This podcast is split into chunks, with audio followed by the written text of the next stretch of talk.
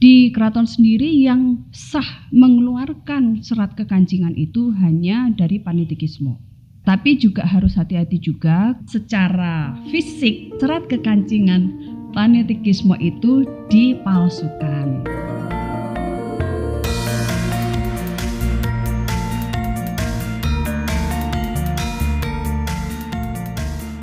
Salam Rahayu, kembali lagi di podcast Rembuk Rosa Putri Kedaton. Kali ini saya bareng sama Mbak Condro Kirono dan ditemani Pak Krido Supraitno. Beliau ini Kepala Dinas Pertanahan dan Tata Ruang Daerah Istimewa Yogyakarta.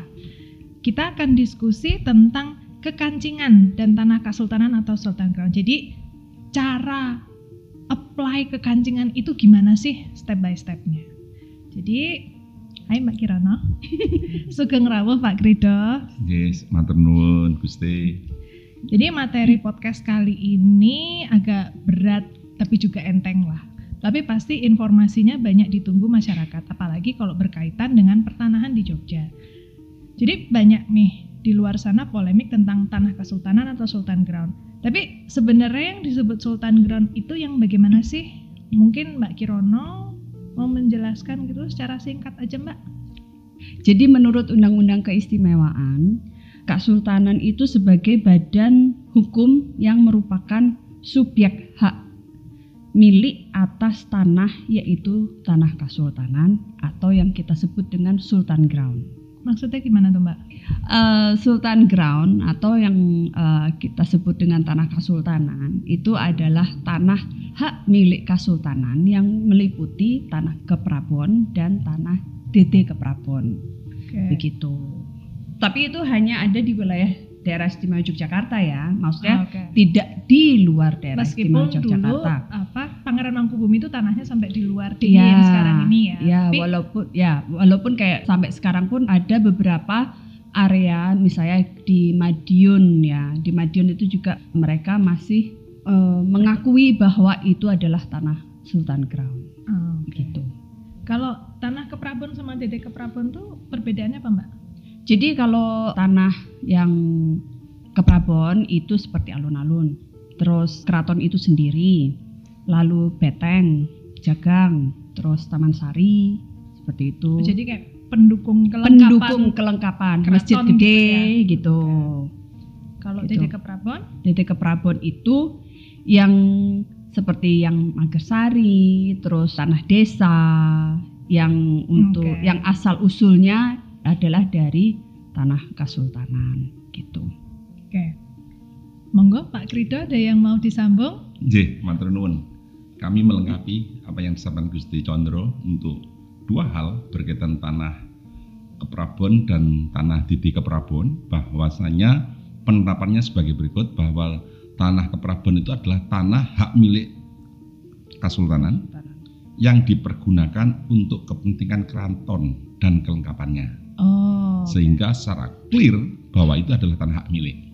Sehingga kita harus memahami betul bahwa tanah keprabon itu tadi seperti yang diberikan contoh Gusti Condro. Sehingga tanah keprabon ini sudah pasti tidak boleh berubah fungsi. Oh. Kalau itu untuk kelengkapan keraton untuk alun-alun, ya jangan setelah ada pemikiran yang modern dipakai untuk mall, nah itu tidak boleh. Oh, ya ini ini ini sebagai karena kami yeah. juga harus menyampaikan dengan bahasa-bahasa masyarakat. Yeah, karena yeah. ya kan gitu. Ini yang yang jelas uh, keprabon. Sedangkan yang Didi keprabon memang betul apa yang disampaikan beliau Gusti Condro kami melengkapi bahwasanya untuk Didi keprabon yaitu tanah-tanah yang dipakai oleh desa. Di mana uh, dipakai oleh desa itu ada hak namanya hak anggado. Hak anggado okay. yang mana Jenis dari tanah desa ada empat. Yang pertama adalah tanah pelungguh, kemudian tanah pengaram-aram, kemudian yang ketiga adalah tanah kas desa, dan yang keempat adalah tanah untuk kepentingan umum. Ini yang Diti Keprabon. Sehingga dengan hari ini kami sowan Gusti ini memberikan juga masukan kepada masyarakat bahwa Diti Keprabon itu adalah tanah yang asal usulnya dari Kesultanan. Sehingga dengan hak anggaduh. Demikian. Oh, iya. Jadi kalau misalnya kayak sekarang ini kebanyakan penggunaan di masyarakat itu digunakan untuk apa Pak? Ya untuk realita di lapangan untuk yang tanah di Keprabon itu baik okay. itu yang sudah memiliki kekancingan maupun yang belum memiliki kekancingan sebagian besar untuk permukiman Oh. dan sebagian juga untuk pertanian. Ini yang dominasi yang menurut data yang kami laksanakan baik itu kegiatan inventarisasi, identifikasi, pemetaan sampai ke pendaftaran tanah. Sehingga kami juga mendata pemanfaatan tanah untuk apa? Eh, Dominasi tanah SG pemanfaatannya. Oh. Jadi kalau tanah DT Keprabon itu kan tetap meskipun di luar tapi statusnya tetap Sultan Ground ya milik milik Kesultanan. Nggih. Nah, tapi kan sekarang ini kami itu banyak menerima berita bahwa tanah-tanah Sultan Ground itu banyak yang diperjualbelikan. Nah, ini mungkin Mbak Kirono bisa menjelaskan sedikit sebenarnya ini kayak apa sih gitu kejadiannya? Tanah Sultan Ground itu nggak bisa kalau diperjualbelikan dan tidak boleh, Nggih, Pak Tidak Ridwan, Nggih. boleh. tidak boleh.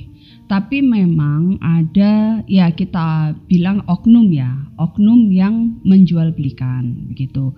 Yang kalau yang saya tahu itu di Pergub 49 tahun 2018 Sultan Ground ini bisa diwariskan maupun dialihkan pemanfaatannya dengan istilah lintiran atau liran ya Oke. kan? Nah, lintiran itu adalah perubahan nama dalam serat kekancingan dari nama pewaris diubah menjadi nama ahli waris. Oke. Liran itu adalah perubahan nama dalam serat kekancingan dari nama pemanfaat lama diubah kepada pemanfaat baru. Jadi kalau mengacu kita lihat dari pergub ini, ya Sultan Crown tidak bisa diperjualbelikan Oke. gitu. Tapi ya kita tahu yang terjadi itu tidak seperti itu gitu. Dan banyak juga yang kita mendapat laporan juga bahwa ini dijual, katanya dijual sama ini dan sebagainya itu enggak. Jadi oknum-oknum yang di luaran sana banyak yang mengatasnamakan misalnya dari utusan keraton, dia dari family keraton dan sebagainya. Tapi kan itu harus dilihat dari secara struktur ya. Karena di keraton sendiri yang sah mengeluarkan serat kekancingan itu hanya dari panitikismo.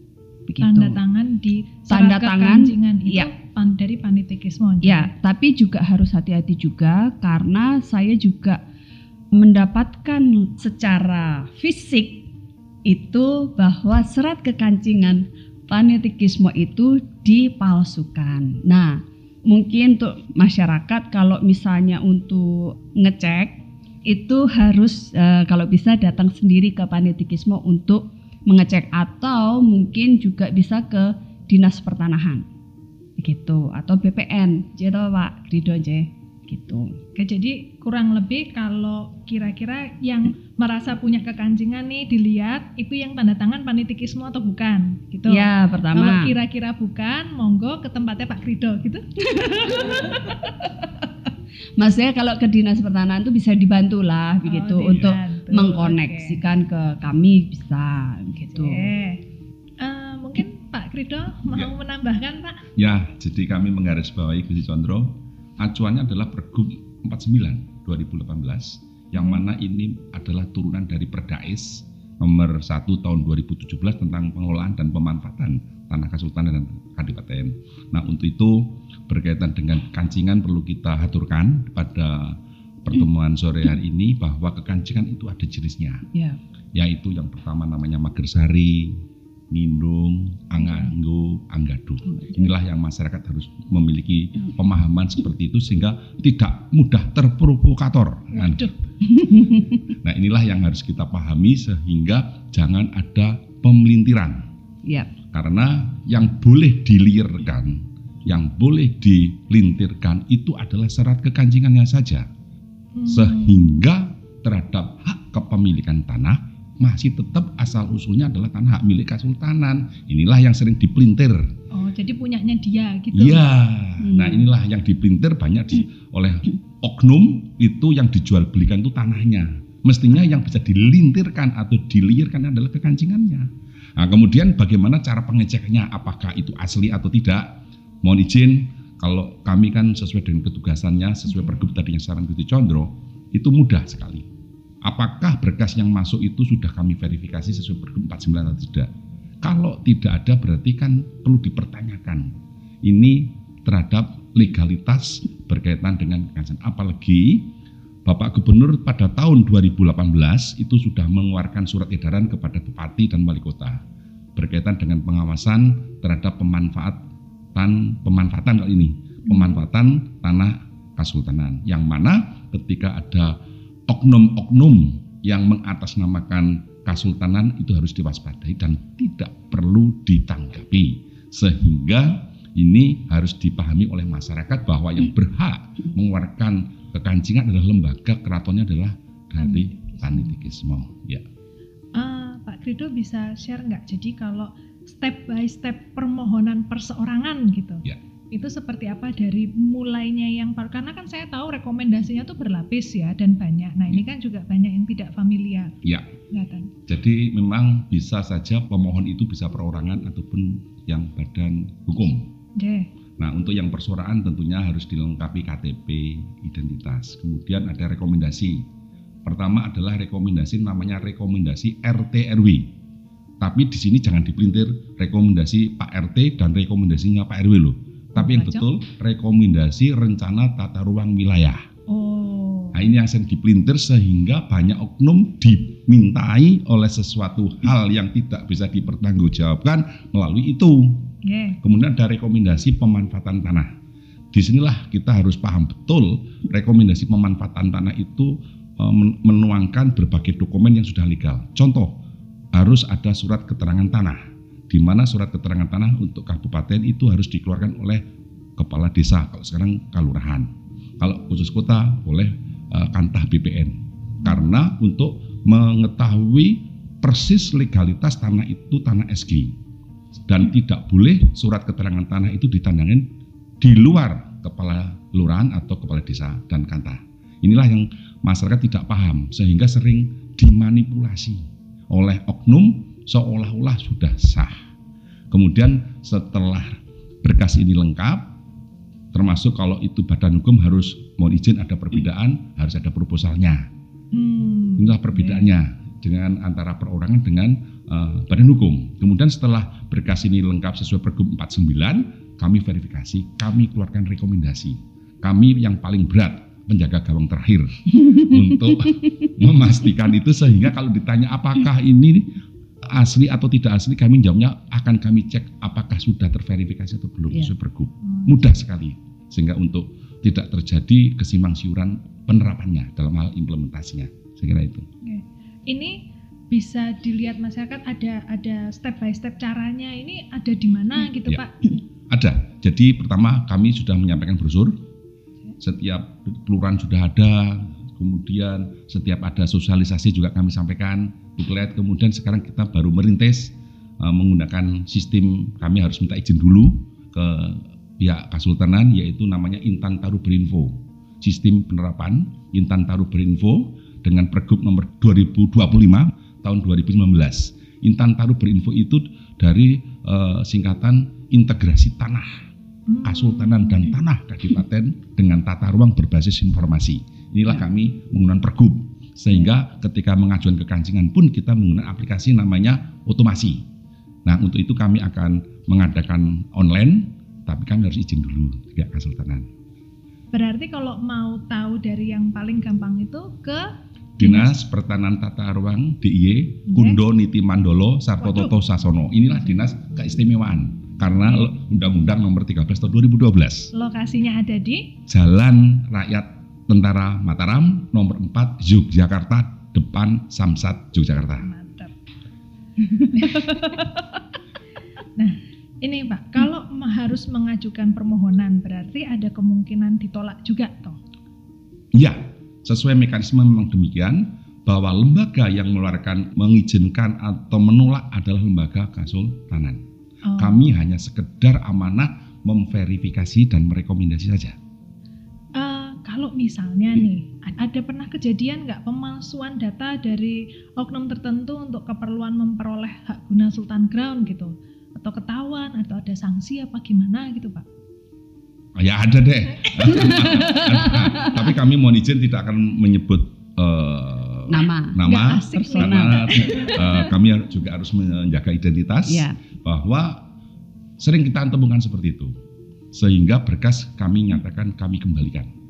Oh, Kami kembalikan seperti contoh yang ada di sana itulah yang beberapa waktu yang lalu itu kita bisa menunjukkan bahwa ini tidak sesuai amanah Perdais nomor 1 2017 dan turunannya Pergub 49 sehingga kami mempunyai alasan untuk mengembalikan berkas. kayaknya ini saya perlu nanya-nanyanya yang offline nanti ini. Kalau karena masyarakat ini kan banyak yang belum paham ini tentang uh, sultan grand penggunaannya. Biasanya tuh ada kesalahan umum apa yang terjadi, Mbak Kirono? Jadi kebanyakan itu pemanfaatannya, Jih, ya Iya. Pak ya. Biasanya itu adanya itu. Jadi juga ada di Pergub 34 pasal 59 kalau nggak salah itu di mana tanah desa itu tidak boleh untuk perumahan. Oh. Sebenarnya. J, itu ada pasalnya, tapi beberapa kita temukan itu ya sudah berdiri dan itu tanah desa. Begitu. Contoh kecilnya itulah gitu. Contoh Nah, besarnya nggak usah disebut. eh, contoh besarnya nggak usah disebut.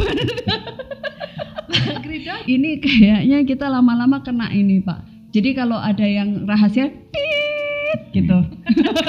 Sensor Di delete.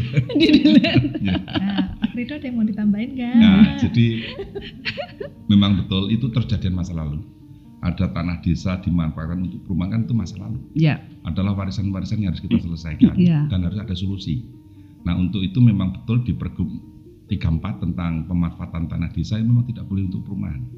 Oh. Clear, tidak boleh Iya. karena itu nanti akan berubah kepemilikan nantinya. ya, Itu yang harus kita waspadai. Banyak oknum menjual tanah Oh, desa itu karena itu sehingga kami melalui pengawasan yang ketat bahwa ketika ada perubahan fungsi dari pertanian menjadi non pertanian wajib harus mengajukan izin kepada kesultanan jadi harus ini ya, kalau perubahan fungsi ya harus harus harus dapat oh, ini ulang kekancingan ulang. mengajukan ya Mengajukan ulang. Oh, ulang. iya, iya. ya. Nah, ini kan akhir-akhir ini tuh banyak yang juga bilang tuh, iya kalau keraton tuh sekarang tuh ingin merebut kembali tanah-tanah warga. Padahal, nah aku nadanya gosip banget ya. Padahal dulu katanya keraton tuh membagi-bagikan tanah untuk warga. Kalau menurut Mbak Kirono gimana nih? kita sih nggak merebut ya. Emangnya pernah dibagi-bagi pak? Mungkin bukan dibagi kali, tapi dimanfaatkan oleh warga gitu, bukan dibagi. Dan kami tidak merebut, tapi kami mengidentifikasi untuk kepentingan data. Jadi selama ini kan kita perlu tahu nih tanah kasultanan itu terus terang sudah banyak yang hilang sehingga kita banyak yang harus didata kembali. Jadi di inventarisasi lalu diidentifikasi, selanjutnya diverifikasi, dipetakan lalu didata. Nah, dari semua ini ini untuk kepentingan ke depannya gitu. Karena dengan adanya oknum-oknum yang tidak bertanggung jawab ini banyak tanah kasultanan yang hilang dan sudah pindah kepemilikan. Ya contohnya tanah sepanjang pantai gitu. Lalu adanya kepemilikan tanah eh, sertifikat hak milik yang di mana itu sebenarnya dalam kawasan keprabon Hmm. gitu dan itu harus ada solusi juga begitu. Jadi kan kalau sepengetahuan saya karena ini kan tercantum dalam UU keistimewaan Mm-mm. yang turunannya itu juga berdais nomor Iya. 1 tahun 2017 kan prinsipnya pemanfaatan tanah kesultanan kadipaten itu untuk pengembangan kebudayaan, kepentingan sosial, kesejahteraan masyarakat. Berarti kan Iya. kita keraton harus tahu dulu sakjane tanahnya keraton itu di mana aja tuh. Iya. Inventarisasi kan Mm-mm. bukan berarti terus digusur gitu. Tapi kalau Enggak. memang ternyata bukan Sultan Grand ya Iya, udah nggak kan? masalah Ah, gitu. Tapi kan kita harus juga mengidentifikasi asal usul tanah itu juga Oke. gitu. Pak Krida ada yang mau ditambahin nggak? Makanya sebelum Ini- saya iya, closing. Ya, ini melengkapi saja. Oke. Jadi kan kita sudah memahami, mengerti dan harus melaksanakan bahwa tanah desa itu kan bagian dari tanah kesultanan Kesultanan. yang asal usulnya demikian. Ini yang harus kita selalu tidak berhenti menyampaikan kepada masyarakat. Sehingga ketika ada program tadi yang saya Gusti Condro, ada inventarisasi, identifikasi, verifikasi, dan pemetaan dan pendaftaran tanah, itu justru memberikan kepastian kepada Hmm. masyarakat pemanfaat. Ya, Satu, memberikan kepastian masyarakat itu dalam hal mengelola dan memanfaatkan. Kemudian memberikan kepastian terhadap hak kepemilikan sehingga masyarakat tidak perlu resah. Oh iya, karena Iya. selama ini juga banyak kan yang terus ini saya tuh punya kekancingan, tapi ternyata oh itu sebenarnya enggak bukan dari keraton gitu kali ya mungkin ya, Ya. Jadi ini- mereka juga ini. Ya ini harus kita bedakan antara kekancingan dengan sertifikat. Ya. Nah, dari inventarisasi sampai ke pendaftaran tanah itu arahnya kepada sertifikat, kemudian ada sisi lain mengajukan kekancingan. Hmm. Nah, inilah yang harus dipahami masyarakat bahwa apabila ada pemasangan patok, kemudian pengukuran, itu bukan diterjemahkan mau diminta kembali tidak, tapi justru memberikan kepastian kepada masyarakat yang mengelola dan yang memanfaatkan. Kemudian juga memberikan kepastian kepada kepemilikan tanah Hmm. sehingga ke depannya masyarakat tidak saling berebut. Hmm. Gitu. Deh. Ya. Ada lagi, Pak? Tapi pasti, Mboten. Pak Kristo dia mau tambah lagi? Sampun, sampun. Nggak kepancing nanti. ya yang secara ini aja birokrasi aja, monggo. Ya, jadi untuk kegiatan seperti ini kan bagus ya, memberikan masyarakat sudah paham harapannya jenis-jenis kekancingan itu ada eh, Magersari, Anganggo, Anggado kan itu. Ya. Kemudian juga memahami ada eh, sertifikat kepemilikan tanah, Ya. dua hal yang berbeda Iya. kan itu sehingga dengan kita sering berkomunikasi seperti ini kepada masyarakat sehingga masyarakat tidak mudah terprovokasi, tidak mudah eh, ada orang mengatasnamakan kesultanan bisa seenaknya. Deh. Nah, untuk itu kami statementnya agak apabila ada masyarakat yang dirugikan oleh oknum, ya silakan Ya. bisa menindaklanjuti sesuai kewenangannya kan gitu. Matur nuwun, Pak. Jadi demikian podcast Rembuk Rasa Putri Kedaton. Semoga obrolan kita tadi bisa menjawab pertanyaan tentang Sultan Ground yang sering jadi polemik di masyarakat. Matur nuwun Mbak Kirono dan Pak Krido, sampun rawuh, sampun rembuk bareng. Jumpa lagi untuk menyambung rasa dalam rembuk rasa berikutnya. Parel.